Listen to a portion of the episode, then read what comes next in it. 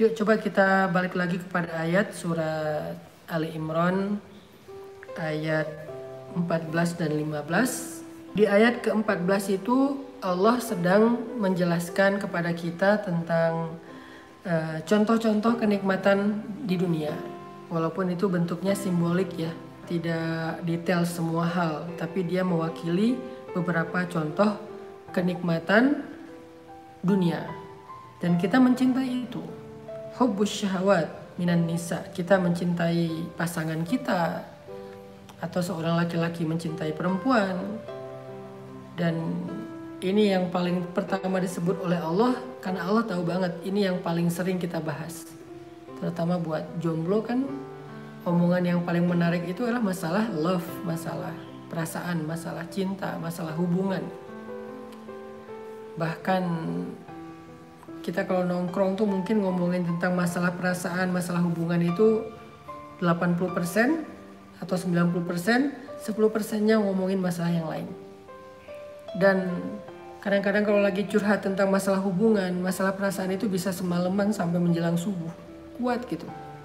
Kenapa? Karena ada hubus syahwat. Ada rasa gairah yang luar biasa terhadap lawan jenis atau bahkan yang bukan belum jadi siapa-siapa. Sehingga itu menjadi sesuatu yang sangat uh, berpengaruh dalam kehidupan kita. Makanya Allah sebutkan di awal zuyyina linnas dirasa indah oleh manusia hubus syahwati minan nisa. Rasa cintanya kepada lawan jenis. ini juga yang kita rasain selama ini kan ini juga yang menggairahkan kita untuk kita obrolin sama ini kan bahkan bukan hanya para jomblo yang udah nikah pun masih senang membicarakan ini masih sangat menikmati masalah ini. Dan itu bukan sesuatu yang aneh manusiawi. Tetapi Allah pengen ngasih tahu ke kita bahwa itulah dunia. Kita mencintai lawan jenis ya. Tapi apakah akhirat? Nggak ada yang kayak gitu? Ada, bahkan lebih baik kata Allah. Di ayat 15 kata Allah, "A'unabbiukum bi khairin min dzalikum?" Mau nggak aku kasih tahu yang lebih baik daripada itu? Di sini Allah pengen ngasih tahu bahwa ternyata di akhirat masalah percintaan, masalah hubungan itu lebih menarik daripada di dunia. Kenapa Allah bilang cinta di akhirat itu lebih menarik, lebih baik, lebih romantis daripada di dunia? Sehingga kalau kita yang senang dengan tema cinta, harusnya kita lebih mencintai akhirat daripada dunia karena cinta di akhirat itu lebih keren daripada dunia.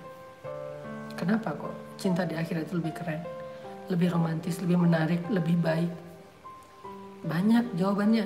Satu, karena cinta di sana itu adalah cinta sejati cinta di dunia ini masih banyak modus, masih banyak maunya, masih cinta yang penuh dengan apa ya transaksi lah. Kita memberikan sesuatu dan kita mengharapkan sesuatu. Cinta di dunia ini mudah berubah, perasaan orang itu mudah sekali berubah. Tapi di akhirat cinta sejati. Kenapa dibilang cinta sejati? Satu, di dalam hati pasangan kita di akhirat gak ada nama lain selain nama kita. Di akhirat pasangan kita gak punya perasaan secuil pun kepada yang lain. Kagum aja gak? Kalau di dunia kan kadang-kadang pasangan kita masih sering membandingkan kita dengan orang lain. Walaupun dia gak mencintai orang lain, tetapi dia masih suka membandingkan kita dengan orang lain. Itulah dunia. Itu kata Allah, "Aunabiukum bi khairin min dalikum?" Maukah aku tunjukkan yang lebih baik daripada itu? Cinta yang lebih baik daripada cinta dunia, cinta di akhirat. Dan kita akan memiliki cinta di akhirat. Punya hubungan cinta di akhirat. Dengan siapa? Dengan pasangan halal kita. Dengan siapa kita akan berpasangan di akhirat? Dengan pasangan di dunia yang solih solihah. Tetapi Allah akan perbaiki perasaan mereka nanti di akhirat. Akan diperbaiki perasaannya. Jadi nggak terganggu lagi. Dan cintanya abadi, romantisnya tuh abadi. Sifatnya itu menyenangkan banget. Kita di akhirat itu nggak pernah bertengkar dengan pasangan. Tapi walaupun nggak pernah bertengkar, kita juga nggak pernah bosan kepada pasangan. Di dunia ini kadang-kadang kalau nggak bertengkar jadi bosan ya. Kadang-kadang pertengkaran itu bagian dari cara kita untuk menyegarkan hubungan kadang-kadang walaupun nggak disengaja soalnya kalau habis bertengkar biasanya tiba-tiba jadi lebih romantis lebih lebih hangat lagi tiba-tiba tapi di akhirat kita nggak bakal pernah bertengkar dengan pasangan tapi juga nggak bakal pernah bosan. Bertengkar enggak ribut enggak bete enggak baper enggak tapi bosan juga enggak terus apa yang kita rasakan? Seperti cinta saat baru pertama selamanya kayak gitu. Kayak baru kenal kayak baru pandangan pertama kayak baru nikah hari pertama bulan madu kayak gitu aja sepanjang masa selama lamanya kayak bulan madu terus sepanjang masa nggak ada rasa cemburu apalagi dengan bidadari nggak ada Allah cabut semua perasaan yang mengganggu hati kita cemburu iri dengki marah baper dicabut semua kalau meninggal sebelum menikah Ustaz, nanti nikahnya di akhirat. Tenang. Nanti nikahnya di akhirat. Karena di akhirat itu nggak ada jomblo. Di surga itu nggak ada jomblo. Di surga itu semua orang berpasang-pasangan. Jadi nggak ada yang baper, nggak ada yang diem sendiri, nggak ada yang di, yang mojok karena dia nggak ketemu pasangannya, nggak ada yang jomblo sampai usia lanjut, nggak nggak ada. Nggak ada. Yang dibully gara-gara masih sendiri sementara gengnya udah pada nikah. Nggak ada yang nggak berani ketemu di reunian gara-gara dia masih sendiri. Nggak ada. Dicabut semua perasaan yang nggak nyaman. Yang menikah dua kali pasangannya yang gimana? Yang paling baik akhlaknya makanya jadilah seorang pasangan yang paling baik akhlaknya sehingga kalau ditakdirkan salah satu di antara kita harus menikah dua kali mungkin kita meninggal duluan atau pasangan kita meninggal duluan lalu yang masih hidup akan nikah lagi misalnya maka pasangannya di akhirat adalah yang paling baik akhlaknya. Memang ada riwayat mengatakan yang paling belakangan, tetapi saya lebih memilih pendapat yang paling baik akhlaknya. Dialah yang menjadi pasangan di akhir. Intinya apa pun kesenangan yang kita dapatkan di dunia, mau itu masalah hubungan dengan uh, percintaan, masalah punya keturunan wal banin, masalah rumah, wal qanatiril muqantara atau masalah perhiasan minaz zahabi wal fiddah atau masalah kendaraan wal khailil musawwama atau masalah peliharaan wal an'ami wal hars atau masalah kebun, ladang, kerjaan, uh, profesi, karir semua mata'ul hayatid dunia, semua kesenangan dunia itu nggak ada apa-apanya dibandingkan akhirat. Itu yang Allah pengen sampaikan di ayat 14 dan 15. Allah lagi ngajarin kita tentang belajar mencintai akhirat. Karena akhirat memang lebih baik.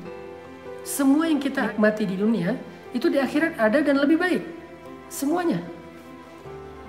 Semua yang baik-baik, yang menyenangkan, yang kita nikmati di dunia itu semuanya ada di akhirat dan lebih baik.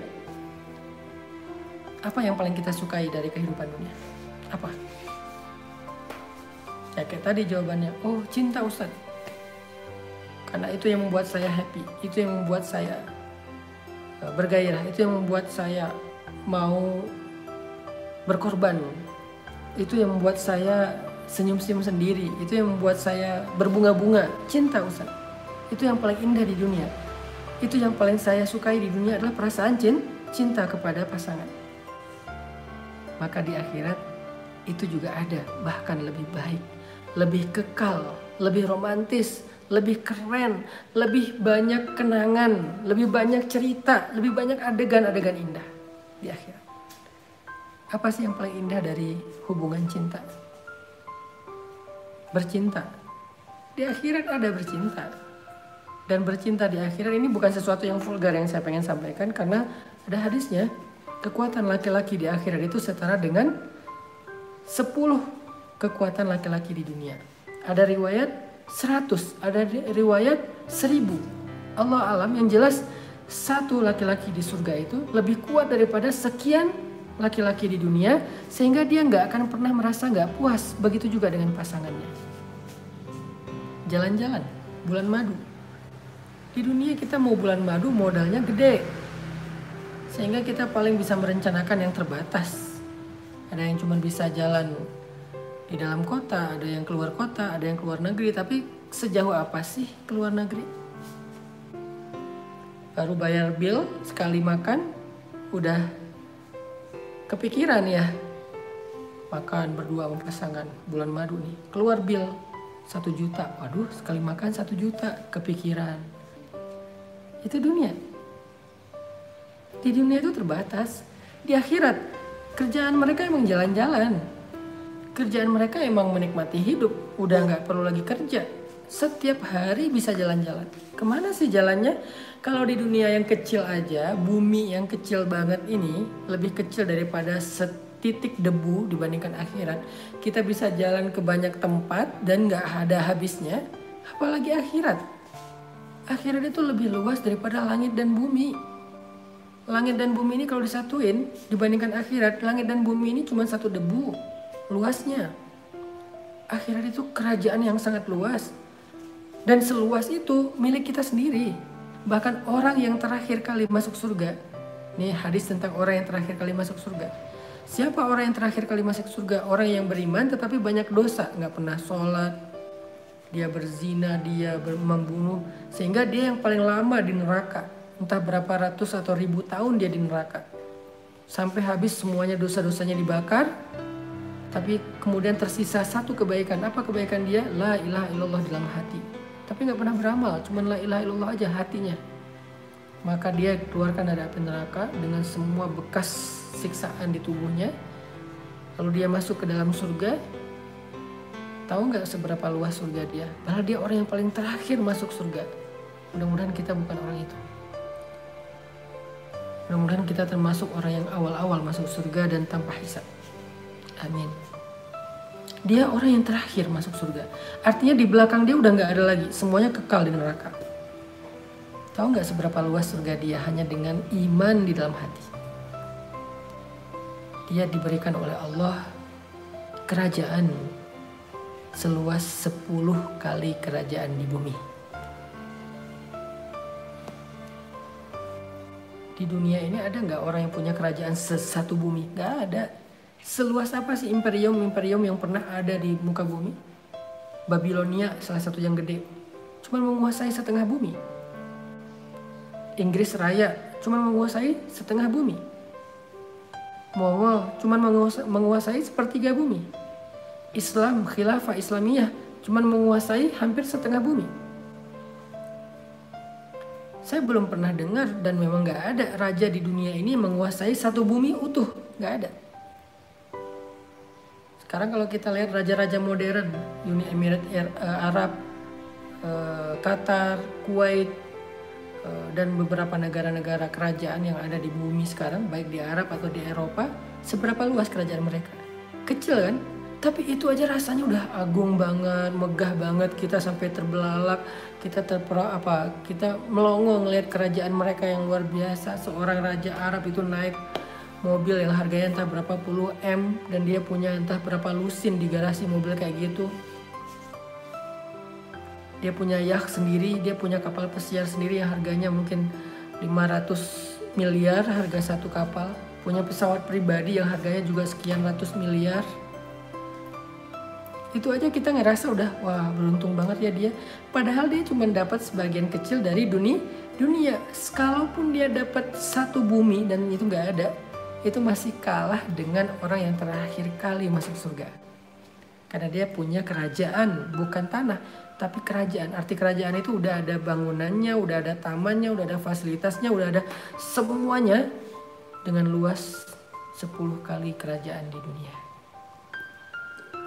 jadi kalau ada yang nanya jalan-jalan ke mana, dia harus belajar tentang surga. Apa itu surga? Mala ainun ra'at wala udunun sami'at. Yang nggak dilihat mata, yang nggak didengar telinga, wala khatara ala qalbi bashar, yang nggak pernah terbersit dalam perasaan atau jiwa manusia. Itu yang terakhir.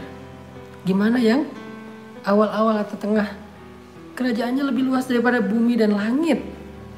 Jadi kalau mau dibilang hal yang paling indah dari cinta itu adalah jalan-jalan, kita nggak akan kekurangan tempat yang indah untuk jalan-jalan di akhirat. Jadi sabar buat pasangan halal yang mungkin masih kehidupannya pas-pasan, buat seorang istri yang suaminya pendapatannya pas-pasan itu cuma urusan dunia. Jangan terlalu kecewa. Jangan terlalu berharap secara berlebihan. Berharap sih boleh tapi jangan berlebihan. Karena ketika kita sabar seorang istri sabar seorang suami bersungguh-sungguh nanti mereka akan menikmati kehidupan yang lebih romantis di akhirat selama-lamanya masih bisa kajian bareng Ustadz? Kita bisa ketemu Rasul di akhirat. Makanya banyak selawat supaya jatah ketemunya lebih banyak. Karena yang mau ketemu sama Nabi itu banyak. Seluruh umat Islam bahkan para ambia umat-umat terdahulu juga pengen ketemu Nabi. Terus gimana kita bisa ketemu Nabi ketika semua orang bertemu dengan Nabi? Banyak solawat. Semakin banyak kita solawat, dua caranya. Satu banyak solawat, dua banyak terlibat dalam memperjuangkan warisan Nabi yaitu agama Allah. Semakin kita setia berjuang meneruskan warisan Nabi, perjuangan Nabi, dakwah, kemudian kita banyak salawat, insya Allah semakin besar kesempatan kita untuk sering ketemu dengan Nabi. Apalagi kalau kita suka menyantuni anak yatim, kasih makan mereka, Insya Allah saya pengen banget nanti ketika pesantren udah jadi saya pengen sebanyak mungkin anak yatim kita santuni di pesantren itu. Membelai mereka, makan bareng dengan mereka, ngajarin mereka ngaji, ngajarin mereka hidup. Anak yatim. Karena kata Nabi, aku dengan orang yang menyantuni anak yatim itu begini nanti di akhirat. Sehingga kita bisa dekat sama Nabi nanti di akhirat. Beres ketemu Nabi, pulang ke istananya sama istrinya berdua keliling jalan-jalan. Pakai apa jalan-jalan kendaraannya apa Ustaz? Kendaraannya macam-macam. Cahaya yang paling paling enak gitu karena kendaraannya bisa cepat ke mana aja. Dan itu baru surga kita sendiri loh. Belum surga pasangan kita. Belum surga anak-anak kita. Belum surga keluarga besar kita. Baru surga kita sendiri aja udah seluas langit dan bumi. Nanti kita tinggal tanya sama pasangan kita, eh kita mau tinggal di rumah siapa nih? Ke surga aku aja yuk. Ke surga dia. Eh ke surga saya aja pak, kata si anak. Eh ke surga anak. Kan kekurangan tempat? Enggak. Jadi kita bisa jalan-jalan ke surga saudara kita, keluarga kita, anak kita, dan kita kayak lebaran aja tiap hari. Lebaran hari pertama habis sholat id rasanya gimana? Gimana cara kita memulai menanamkan rasa cinta kepada akhirat? Ini nih, belajar memahami betapa indahnya akhirat dibandingkan dunia. Ini yang sedang saya sampaikan ini kan dalam rangka itu. Belajar, memahami dan meyakini bahwa akhirat itu lebih indah daripada dunia. Sehingga ketika kita sudah memahami dan meyakininya, kita akan mencintai akhirat lebih daripada dunia dan nggak akan terlalu berlebihan sedih ketika kita kekurangan dunia. Sehingga ketika kita sudah memahami itu, belajar meyakini itu perlahan-lahan, insya Allah kita akan merasa lebih nyaman dalam kehidupan di dunia.